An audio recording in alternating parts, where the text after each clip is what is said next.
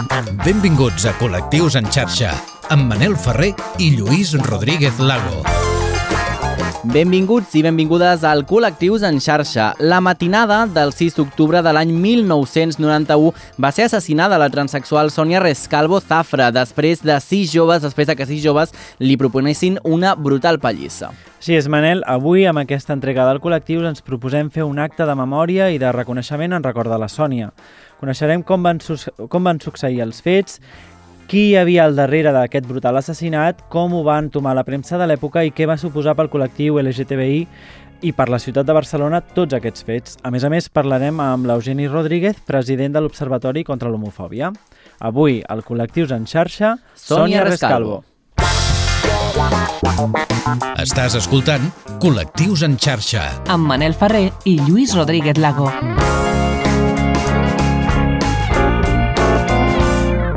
Saludem, Lluís, a Sí, tota la a gent que ens escolta a través de les seves ràdios eh, locals, també la gent que ens veu. Exacte, Aquest és la un programa que que es veu, s'escolta, es sent, exacte, i a més ens heu de seguir a través de YouTube, a Instagram TV, doncs Mhm. pengem tots els programes, per tant queda tothom més que saludat, Lluís. Exacte. Més Mm, coses us sí. expliquem a través, lògicament, eh, també ens seguiu a Twitter, a Instagram, a Facebook, on vulgueu. Com dèiem, tornant al contingut, com dèiem, la matinada del 6 d'octubre del 1991, la transexual Sònia Rescalvo Zaf- Zafra va ser assassinada per un grup de sis neonazis feixistes, membres dels Bojos Nois, a les que fins fa uns anys era la glorieta dels músics del Parc de la Ciutadella, però qui era Lluís Sònia Rescalvo Zafra?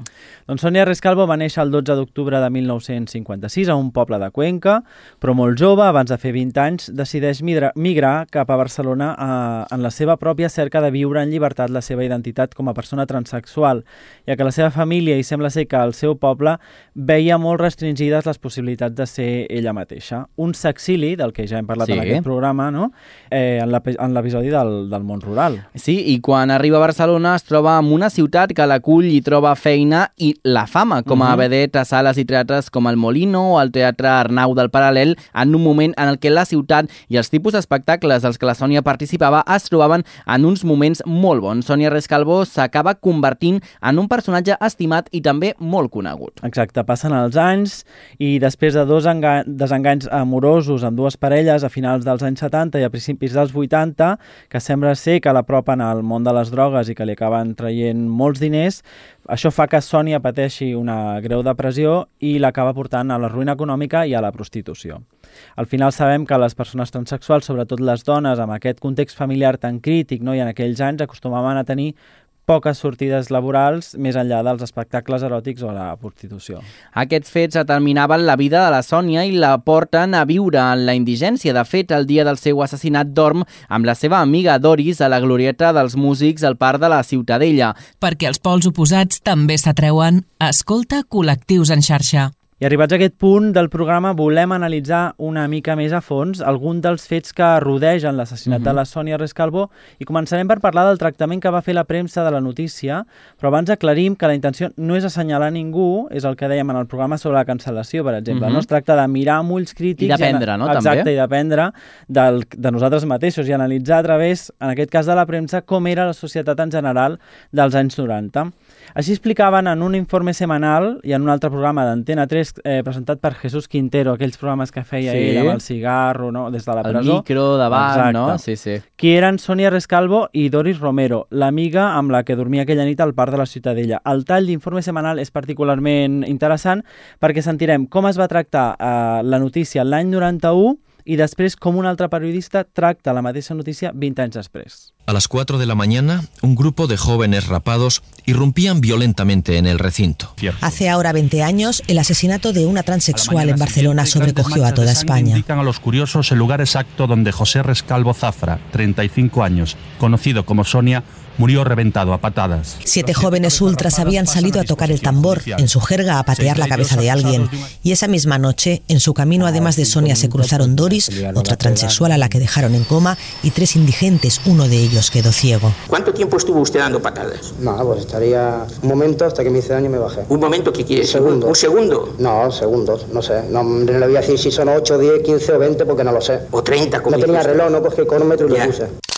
La noche del 6 de octubre de 1991, Oliver Sánchez Riera y otros cinco cabezas rapadas acabaron a patadas con la vida de un transexual, dejando malherido a otro.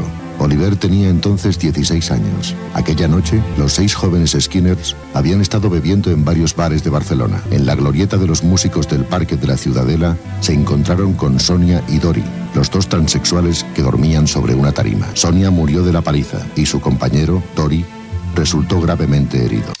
Déu nhi eh? Sí, sí. Fixa't eh, com es refereixen a, en el programa, en el segon tall que hem escoltat, eh, bueno, i en el primer també, mm -hmm. eh, amb el nom en masculí, Sí. los dos transexuales, su compañero... Mm -hmm. Bueno, I també, Lluís, amb, amb la fredetat que es parla no, d'aquest tema, perquè estan parlant com si estiguessin donant patades a una pilota de futbol, Mm. no? I inclús fan broma, no? I diuen, doncs no tenim el cronòmetre posat, no? És a dir, són... Bueno, aquest que parla és, el, és un dels acusats i Mhm. això és un, un tall del judici Sí, que sí. es va gravar i de fet el, el, els escrits... Oliver Sánchez Rivera. Exacte, Mhm. un d'ells. Els, el, el, els escrits que resulten d'aquest judici diuen això, eh, que, que no se'n van empenedir mai Mhm. i que estaven allà parlant com si haguessin fet, com, no? com si fueran unos cruzados Sí, sí. que hubieran defendido el pueblo, vamos. Mhm. A més a més, eh, sabem que Sònia Rescalvo va participar conjuntament amb Viviana Fernández, Angie Bonprit i artistes eh, trans que es van donar a conèixer per imitar Bàrbara Rey i un altre transexual de nom Desiree en una entrevista que va quedar recollida en un llibre sota el títol Una conversación sin prejuicios con quatre travestis. Les quatre es presten a xerrar obertament sobre la transexualitat, tot i que en aquesta època encara estava en vigor la llei de perillositat social amb la que se la reprimia i detenia. Durant l'entrevista, Sònia defensa que ser trans no es decideix sinó que, atenció, està dins de la persona, és natural, i reconeix que se sent bastant marginada. Ella diu, hi ha moments en els quals em sento acomplexada, moltes persones no m'entenen i afegia, jo no em considero travesti perquè durant tot el dia sóc una dona. Aquí comença, Viviana després deia que la paraula travesti no és eh, la indicada per anomenar-se, per anomenar-me, ella deia a mi, uh -huh. no? Mhm. considero que nosaltres som dins de les transexuals amb operació, sense, fixa't aquí, aquest tema que ara està tan, tan de moda, no? Sí. el tema de, la, de, de fer el trànsit o no fer-lo, no? En canvi, eh, de sexe o sense, deia Viviana, no? Els travestis és el senyor que es vesteix de dona per treballar, però durant el dia porta una vida normal d'home, homosexual o no, és un problema a part però eh, que es comporta com un home, cosa que nosaltres no fem. Deia Viviana, jo, soc, eh, un, jo visc una vida molt de dona durant les 24 hores del dia, no? Parlem ara de qui eren els assassins de la Sònia Rescalvo i per fer-ho haurem de parlar del context històric i social d'aquella època perquè els sis nois que maten a Sònia tenen només entre 16 i 17 anys i pertanyen als Bossos Nois, que era el grup d'aficionats ultras del Futbol Club Barcelona. Per parlar d'aquest tema ho hem, hem contactat amb Bernat Soler, periodista de Catalunya Ràdio, que segueix el Futbol Club Barcelona i ens ha dit això.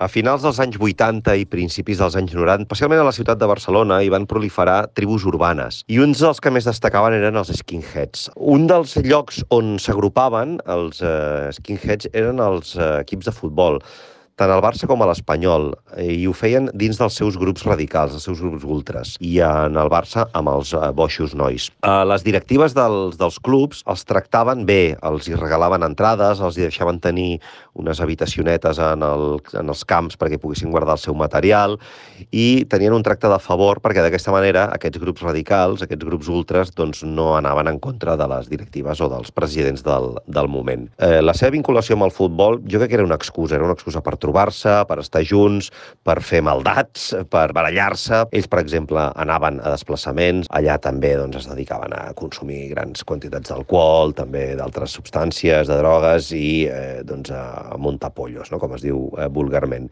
I això va tenir doncs, certa connivència de les directives fins que l'any 2003, quan va guanyar les eleccions a la presidència del Barça Joan Laporta, els va fer fora directament, els va expulsar del club, els hi va treure eh, l'accés al camp eh, i això, evidentment, doncs, va tenir conseqüències perquè el van amenaçar de mort, eh, la porta va haver de posar-se a seguretat privada, però bé, amb el temps eh, doncs, la societat va anar avançant i, per sort, doncs, aquests reductes van anar desapareixent.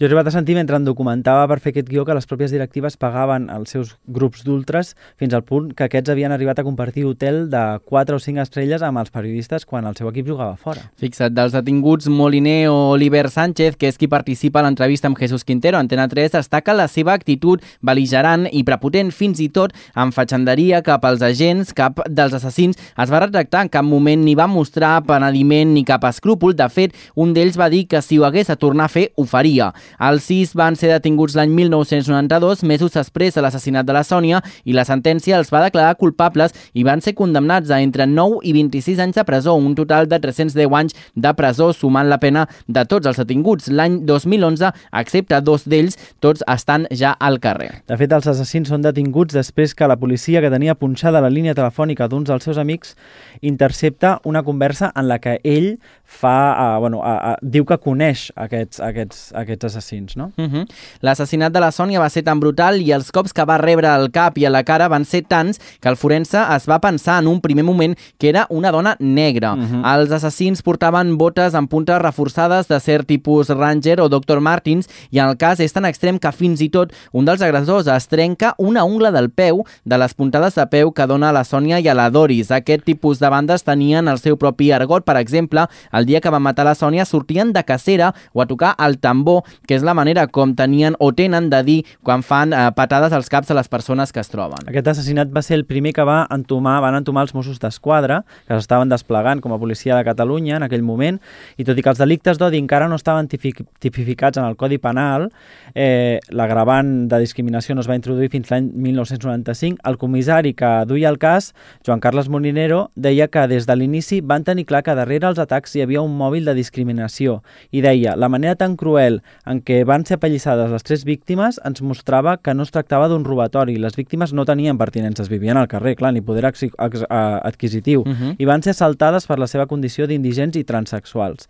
En aquest punt apareixen temes importantíssims que marcaran un abans i un després en la història també de les reivindicacions del moviment LGTBI, però també en la història del món judicial de l'estat espanyol. Es diu que tothom que vulgui saber-ne més sobre els delictes d'odi o l'agravant de discriminació ha d'estudiar el cas de la Sònia Rescalvo, ja que tot i que els jutges no parlen en els termes que es parlaria ara d'aquest tema, a la sentència es diu clarament que hi havia un animus necandi, és a dir, eh, que hi havia una intencionalitat d'assassinar. Uh -huh. Sònia Rescalvo és assassinada per transexual i per ser una dona sense recursos. Recomano també molt la TED Talk de la filòsofa Adela Cortina, que la podeu trobar a YouTube, que parla sobre el concepte de, de porofòbia. Eh? Uh -huh. També, finalment, aquest assassinat marca un abans i un després pel col·lectiu LGTBI i durant el judici celebrat l'any 1993 el Front d'Alliberament Gai de Catalunya i la coordinadora Gai Lesbiana de Catalunya van aconseguir el recolzament d'entitats veïnals, sindicals i socials de tot tipus fins que els sindicats de comissions obreres i UGT. També l'Ajuntament de Barcelona va exercir l'acusació popular. Es diu que el cas es pot considerar l'inici de la creació de l'Observatori contra l'Homofòbia i uh -huh. inclús de la pionera llei contra l'homofòbia que es va aprovar al Parlament de Catalunya l'any 2014. També cal dir que Barcelona va ser la primera ciutat en tenir un fiscal especialitzat en temes de delictes d'odi. Segueix-nos a les xarxes. Busca'ns i recupera tots els nostres programes, imatges i vídeos exclusius. Col·lectius en xarxa, a Twitter, Instagram i a les principals plataformes de podcasting.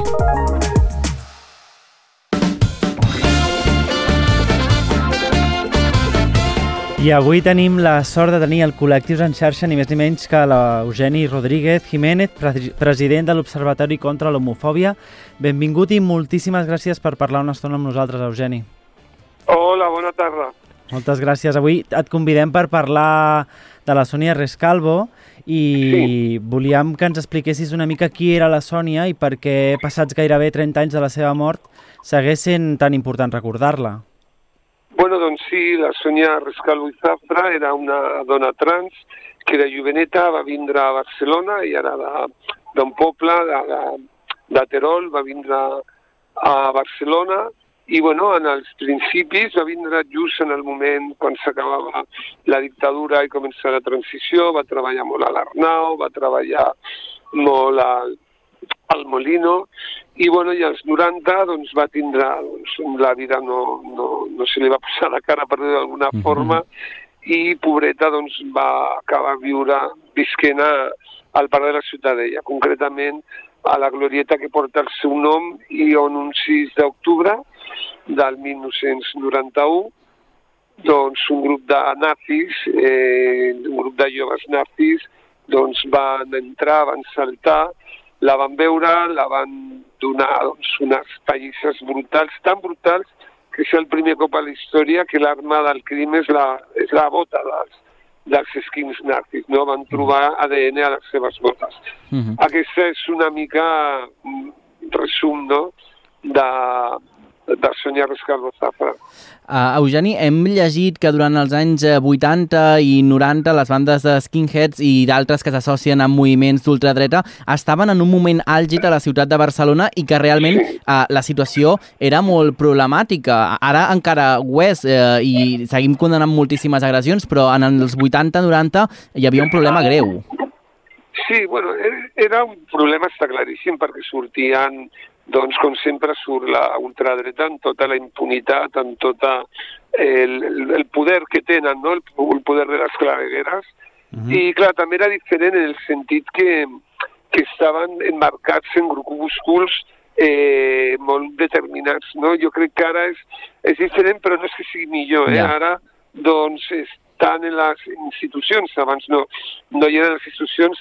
Una altra cosa és que les institucions no s'havien depurat, que això és un altre tema, uh -huh. vale? però avui en dia, doncs, bueno, què t'he de dir, no? Formen govern i tot, no? Uh -huh. Formen governs, eh, tenen, una, tenen un vot enorme, impregnen els joves d'aquest odi, però bueno, tornant als 90 sí sortien en tota la impunitat i en el cas del grup de, de nazis que van assassinar la Sònia, els li deien tocar el tambor. Tocar el tambor era uh -huh. rebentar el cap doncs, de, d'antimilitaristes, que en aquell moment doncs, era un moviment molt, molt, molt important, i perquè jo també hi era en el moviment uh -huh. antimilitarista, a punkies, a, a maricones, a trans, i en aquest cas, doncs, aquell 6 d'octubre, doncs, van entrar al parc de la Ciutadella i no només a la Sònia, eh, van pegar una pallissa a la Doris, que era la seva amiga, i van deixar sec a un rodamons que, que es trobava també en l'hivernacre. Mm, Lluís, eh, Lluís, el meu company, Eugeni, et volia preguntar també, i has fet referència doncs, com la ultradreta també eh, està doncs, ara mateix eh, entrant també a governar i sent també doncs, eh, crucial per eh, fer governs i per eh, estar doncs, a les autonomies i, i altres institucions. No és només aquest el problema, que arribin a mana, sinó que això també arrossega a moltíssimes altres persones no? i de nou torna a posar de moda, si podem dir-ho d'alguna manera, aquesta ultradreta, no?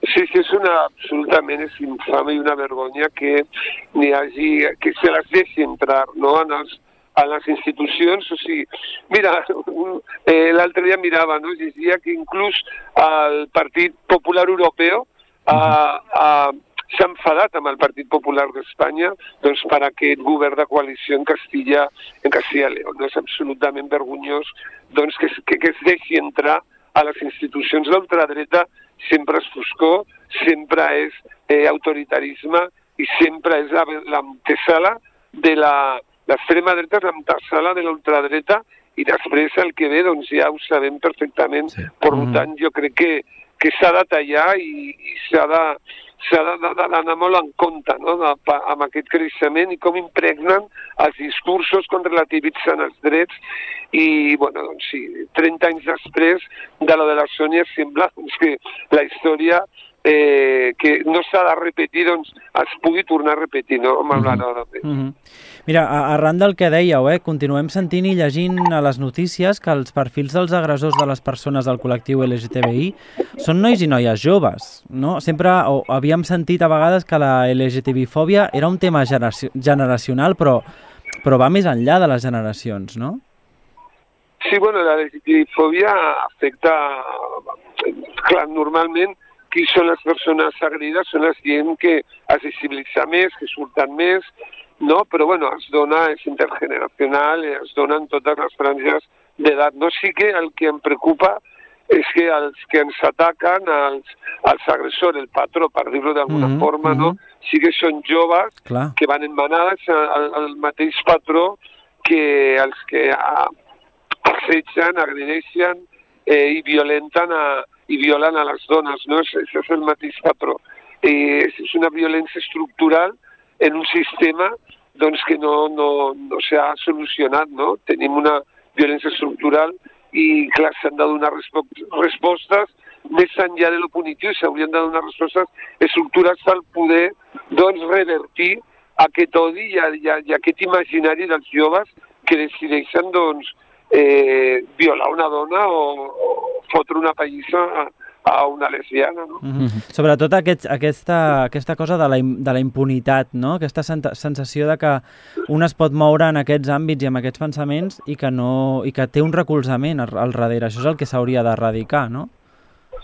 Sí, sí, clar, s'hauria d'erradicar tot el que és el, doncs aquestes complicitats no? que moltes Exacte. vegades es donen, aquesta naturalització, uh, això de mirar per una altra banda, no? Clar. Jo crec que això ho vam viure ja amb el Samuel, no? Era Exacte. més fàcil creure que l'havien matat per robar-li el mòbil uh -huh. que per maricón, no? Uh -huh. I això va ser terrible, no? Jo crec que també va ser, hi ha un abans i un després, no? Sobretot pel nostre col·lectiu, no? Perquè molta gent va dir, bueno, fins aquí, no? Clar. Fins aquí, a partir d'ara, no vull naturalitzar ni una escopinada, ni un aïllament, uh mhm. -huh. ni una mala cara, ni... i per tant, doncs, jo crec que és en el moment que estem, no? Clar. És un moment en el que, bueno, també dir-li a, a la gent que ens escolti que s'ha de viure sense por, això sobretot. Sí. No podem viure amb por, hem de viure doncs, amb les coses, amb les coses clares i saber, saber doncs, que tenim eines, que tenim recursos i que podem fer front doncs amb aquest odi, no? Sobretot això sí que vull donar aquest missatge, no? Doncs ara parlarem també, eh? volem eh, fer menció també a l'Observatori contra l'Homofòbia perquè va sortint en aquest col·lectius eh, en xarxa setmana rere setmana, però aprofitant avui que teníem, doncs també aprofitarem eh, per parlar-ne amb tu com a president. És veritat, també parlaves d'aquesta eh, por eugènica, no podem viure sempre amb por, però és veritat que inclús no pot ser nosaltres mateixos, però la gent del nostre entorn és una por que també eh, es viralitza, no? Els nostres pares, els nostres mm. tiets, els nostres germans, no? Inclús, eh, encara que no vulguin que passi res, però a vegades inclús et fan comentaris, no? I et diuen, vigila per on vas, vigila a quina hora surts, no? És a dir, que és una cosa, aquesta por que es va generalitzant. Bueno, és normal, sí, és normal doncs, que bueno, el tema està com està Clar. i és, i és absolutament doncs, comprensible que, que la gent o els pares o, a, o la gent més gran no? Uh -huh. o, tingui por doncs, de que el seu amic, el seu company, el seu fill, el seu germà, la seva germana, doncs pugui patir doncs, una agressió. Per això t'ho deia que el missatge ha de ser de, de bé, o sigui, la, les coses estan com estan, hem de viure sense por, això està claríssim, hem de continuar fent la nostra vida, això també està claríssim, però sapiguer doncs, que hi ha doncs, aquest caldo de cultivo doncs, que fa que, que en moments determinats i també doncs, anem veient, no? sobretot quan surts de la discoteca, eh, quan vas cap a, al metro, quan tornes cap a casa, no són els moments doncs, més vulnerables, més delicats. Jo el consell que donaria doncs, és no intentant acompanyar algú, no? en el sentit doncs, doncs, que sempre doncs, és més, doncs, més, més fàcil no? enfrontar-te doncs, a una possible agressió doncs, si no vas sol. No? Evitar també doncs, estar clar la foscor, evitar els llocs doncs, despoblats, però bueno, és trist sí, però bueno, és real i, mm. i hem de viure també sense por però a, a, sapiguent el que tenim no? Mm. Perquè la idea aquesta de que mm, la lluita s'havia com acabat o que havies, havíem aconseguit moltes coses jo penso que és, és una idea que va, una, un argument que a vegades es fa servir una mica en contra també d'aquestes iniciatives que es fan per exemple a les escoles per prevenció i tot això però penso que, que, que és el que tu deies una mica eh, vivim sense por però la lluita hi ha de ser i ha de ser sempre. I hem d'estar tots a primera fila, no? Sí, sí, sí, o sigui, a veure, hem aconseguit coses, sí. Està clar que, que, que sempre s'aconsegueixen coses i sempre d'alguna forma doncs anem avançant. Sí que estem en uns... Bueno, que, que, que era dir a la gent que s'està escoltant, no? Uh -huh. o sigui, hem passat una pandèmia, ara hi ha una guerra, la, la, sí. sempre hi ha guerres, no? Això també està clar, no és que ara hi ha esclatat una guerra i que no hi ha guerres al món, que sempre hi ha guerres al món, malauradament, però bueno, ara la tenim molt a prop, amb tot el que significa de, de, de missatge d'autoritarisme, guerres és masclisme, és autoritarisme, i tot això està en l'ambient, no? Són moments molt, molt complicats i molt difícils, no? Però també és important que els joves, no? Eh, jo soc d'una generació que, mira, vam lluitar i vam aconseguir doncs ara, eh, que està el tema de la pau sí. i de la guerra, doncs no anar a la mili, no? Vam fer uh -huh. doncs, que la mili no fos eh, obligatòria. Jo crec que els joves han de tenir clar doncs, que el món s'ha de canviar i s'ha de lluitar doncs, per aconseguir un món millor per, per tots i per totes, no? I que això per mi, eh, no dic que per tothom, Mhm. ha de ser doncs, una obligació ètica. No? Mm -hmm. Tornant una mica a la Sònia, hem llegit que, que per les organitzacions que, que vetllàveu per, llavors pels drets de les persones del col·lectiu, l'assassinat de la Sònia Rescalvo també va ser un abans i un després. Tu ens parlaves també d'en Samuel, però aquest assassinat va marcar també o va fer canviar les prioritats d'aquestes associacions. És així? Sí, sí, clar, penso que estàvem al 91, Uh -huh. uh, havien sortit d'una dictadura al 75, el PAC s'havia, una de Catalunya, s'havia legalitzat al 80, i al 91 era un moment, doncs era un moment també molt escèptic, no? Doncs perquè teníem aquests ultras al carrer, però d'alguna forma també havia hagut ja les majories absolutes dels socialistes, no? que era una qüestió que, doncs, que no havia passat mai, no semblava com, com que el tema ja estava encarlat quan no estava encarlat. Ja. I per què hi ha un abans i un després? Doncs perquè la Sònia doncs, toca uh, les consciències de, de Catalunya, no? doncs perquè no és una anècdota eh, la transfòbia, no? sinó que, que transfòbia és igual a mort. Jo crec que, que, que va doncs, alertar les consciències i també va ser la primera vegada doncs, que es va equiparar a terrorisme i es van fer acusacions populars, no només del Front de, de Catalunya, sinó també de l'Ajuntament de Barcelona. No? Uh -huh. Per això sí que dic que va haver-hi un abans i un després. Totalment. No en traurem molts minuts eh, més, eh, Eugeni, t'agraïm moltíssim que hagis estat amb Gràcies. nosaltres, però et volíem també preguntar eh, per l'Observatori contra l'Homofòbia. Nosaltres sempre recordem com poden contactar amb vosaltres. De fet, vam començar aquesta segona temporada fent un repàs a totes les agressions sí. que havien hagut eh, durant eh, l'estiu, però explica'ns tu també com a president quines són les tasques que dueu a terme des de l'Observatori contra l'Homofòbia. Doncs mira, ara estic molt content, la veritat, de poder-vos dir que estem amb, amb totes les xarxes anunciant un, un goteo, no? que és una, cada any fem un projecte per recaudar fons. Aquest any ho fem per la defensa de les dones LBT, de les dones lesbianes, bisexuals i trans. Hem fet una campanya de veritat molt maca, podeu entrar Mhm. doncs, a, a mitjançant les nostres xarxes socials i bé, estic content doncs, perquè portem gairebé ja la, la meitat, o sigui, Déu-n'hi-do. en una setmana com, a, com sempre, doncs, continuem donant suport doncs, al nostre col·lectiu. Ahir doncs, vam estar a l'Hospitalet de Llobregat doncs, donant suport i, i rebutjant doncs, l'agressió que va haver-hi a una dona trans. Continuem donant doncs, suport psicosocial, suport jurídic a totes les persones del nostre col·lectiu i, sobretot, eh, som una eina doncs, al servei de les persones LGTBI davant doncs, de les violències que patim. Doncs amb això ens quedem, Eugeni, sí. i sabem realment eh, que aquestes xifres, aquestes agressions, abans el Lluís ho en feia referència, que sembla que hi ha moments que a, a vegades s'intenta mirar cap a una altra banda no? i dir que aquestes coses que va passar la Sònia Rescalvo ja no passen i segueixen passant, i, segueixen en tenim passant. exemples. I per tant, eh, Eugeni, segurament no tens les dades eh, davant, però aquestes agressions segueixen creixent eh, dia a dia, no? Sí, sí, continuen creixent i per això lo, lo important és, ja com a, com a Sí. idea final, no? Sí.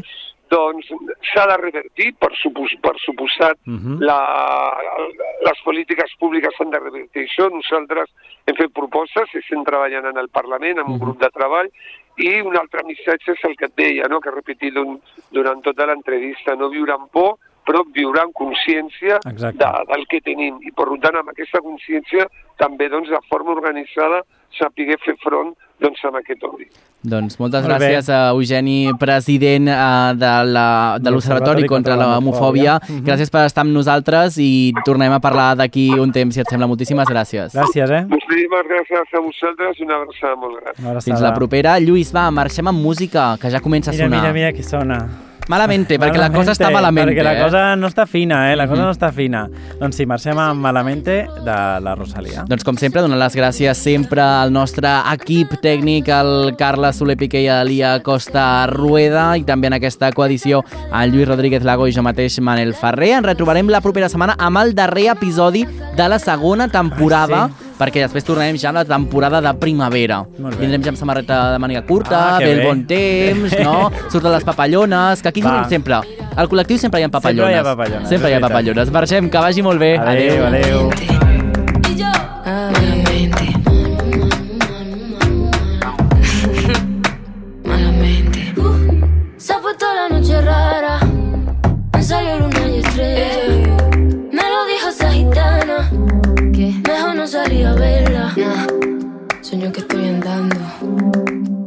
Puente que la acera. Mira, mira, mira, Cuanto más quiero cruzarlo, va. Más se mueve y tambalea. Mal, mal, mal. Malamente.